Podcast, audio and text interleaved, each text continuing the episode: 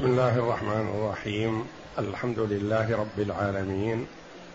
والصلاة والسلام على نبينا محمد وعلى آله وصحبه أجمعين. وبعد. بسم الله أعوذ بالله من الشيطان الرجيم. ولولا فضل الله عليك ورحمته لهم طائفه منهم أن يضلوك.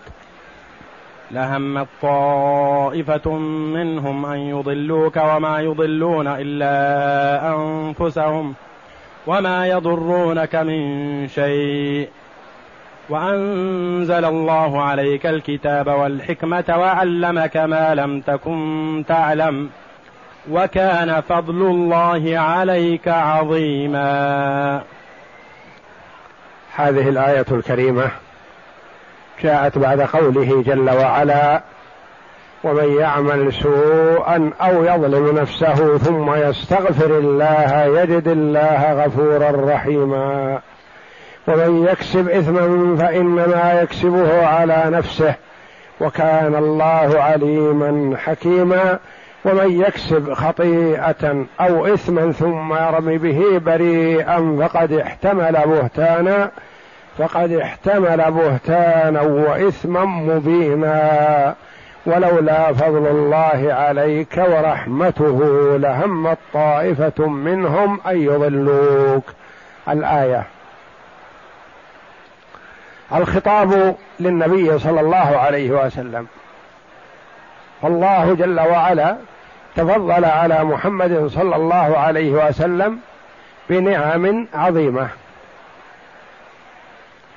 فهو جل وعلا فضله على سائر بني آدم فهو سيد ولد آدم عليه الصلاة والسلام.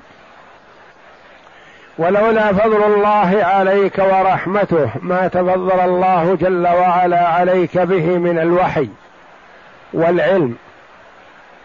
لهمت طائفه منهم أن يضلوك.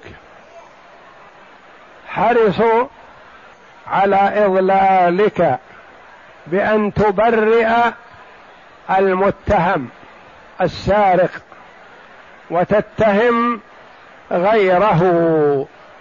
لكن الله جل وعلا تفضل عليك وأطلعك على الحقيقة. ولولا فضل الله عليك ورحمته لهمت طائفه منهم يعني من أعوان السارق لأنهم جاءوا إلى النبي صلى الله عليه وسلم وقالوا إن قتادة اتهم أهل بيت هم أهل صلاح ودين. وأنا قد علمنا أن السرقة في بيت فلان أحد الأنصار أو هو وفي رواية أنه أحد اليهود. واليهودي لم يسرق.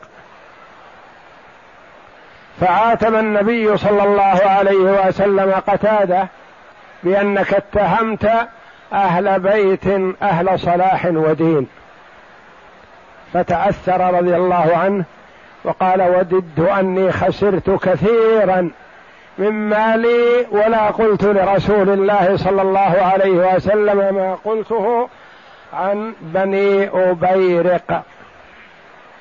وذهب إلى عمه وأخبره بأن الرسول صلى الله عليه وسلم قال له كذا فقال عمه صاحب المال المسروق الله المستعان.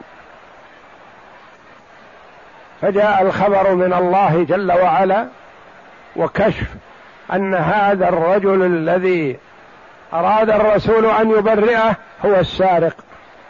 وأن شهادة أولئك بأنه لم يسرق وأنه بيت صلاح شهادة حمية.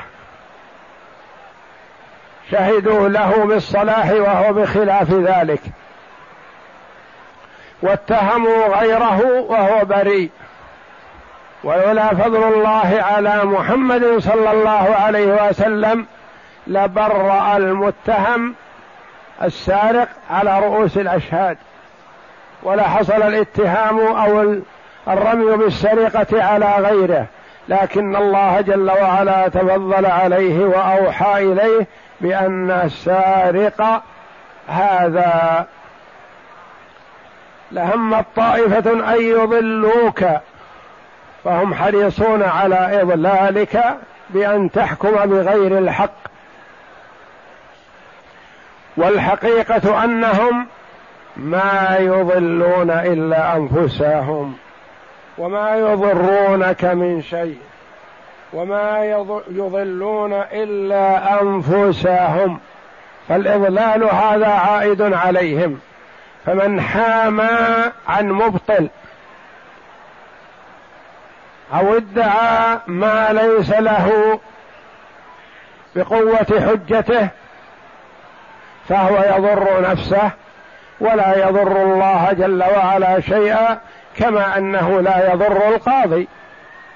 فالقاضي يحكم على ضوء ما يسمع كما قال عليه الصلاة والسلام وهو الذي يوحى إليه قال إنما أنا بشر ولعل بعضكم يكون ألحن بحجته من بعض فأحسب أنه صادق فمن قضيت له بحق أخيه فلا ياخذه فإنما هي قطعة من نار فليأخذها أو ليدعها.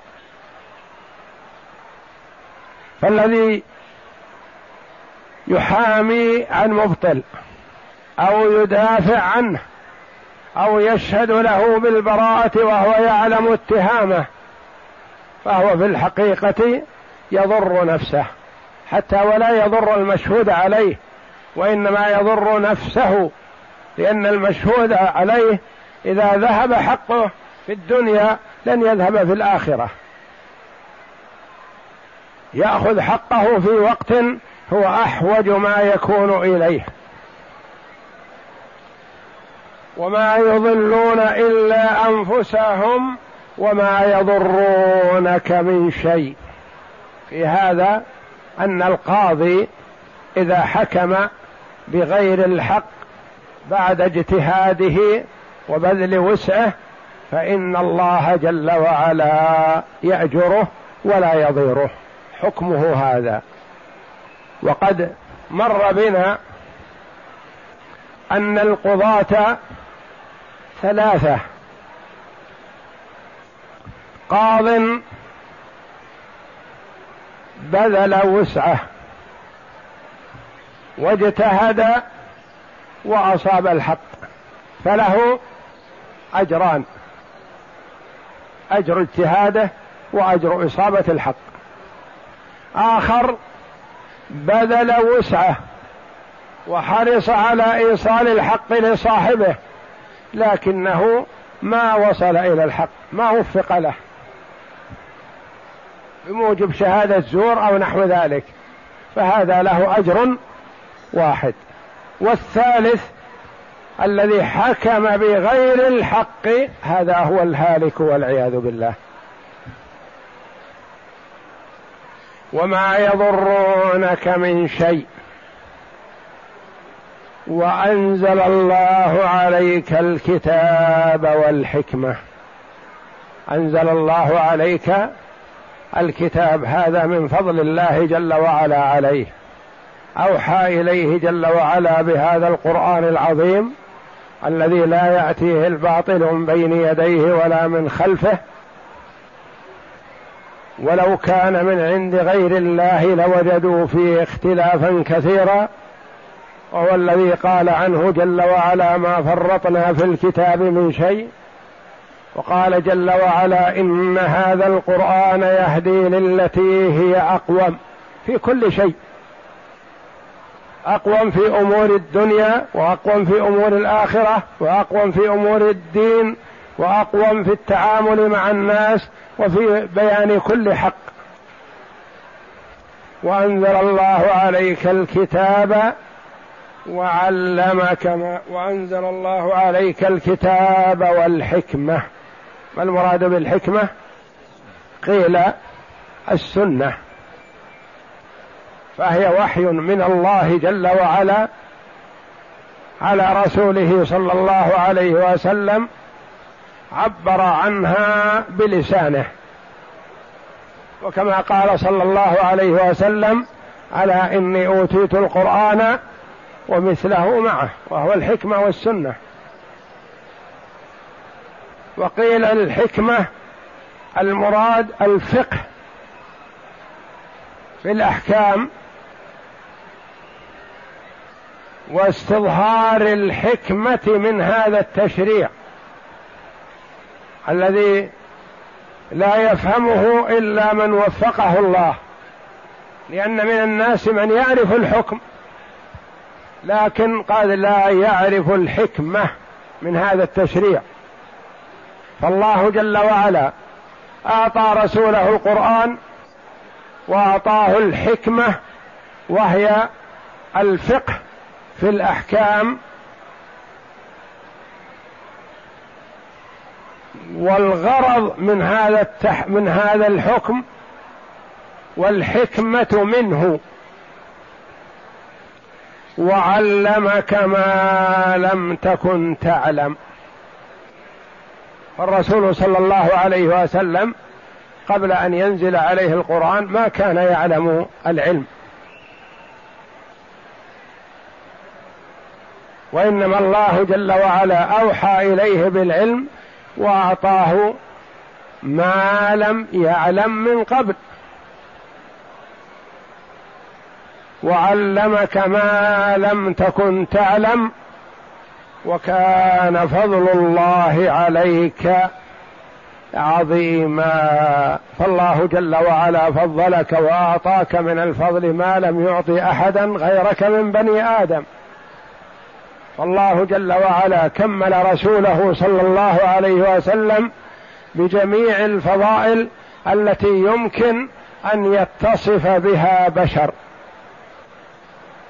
وكان فضل الله عليك عظيما. فهو جل وعلا فضله على سائر أنبيائه ورسله وهو سيد الأولين والآخرين عليه الصلاة والسلام وهو إمام الأنبياء وهو أفضل الأنبياء والرسل.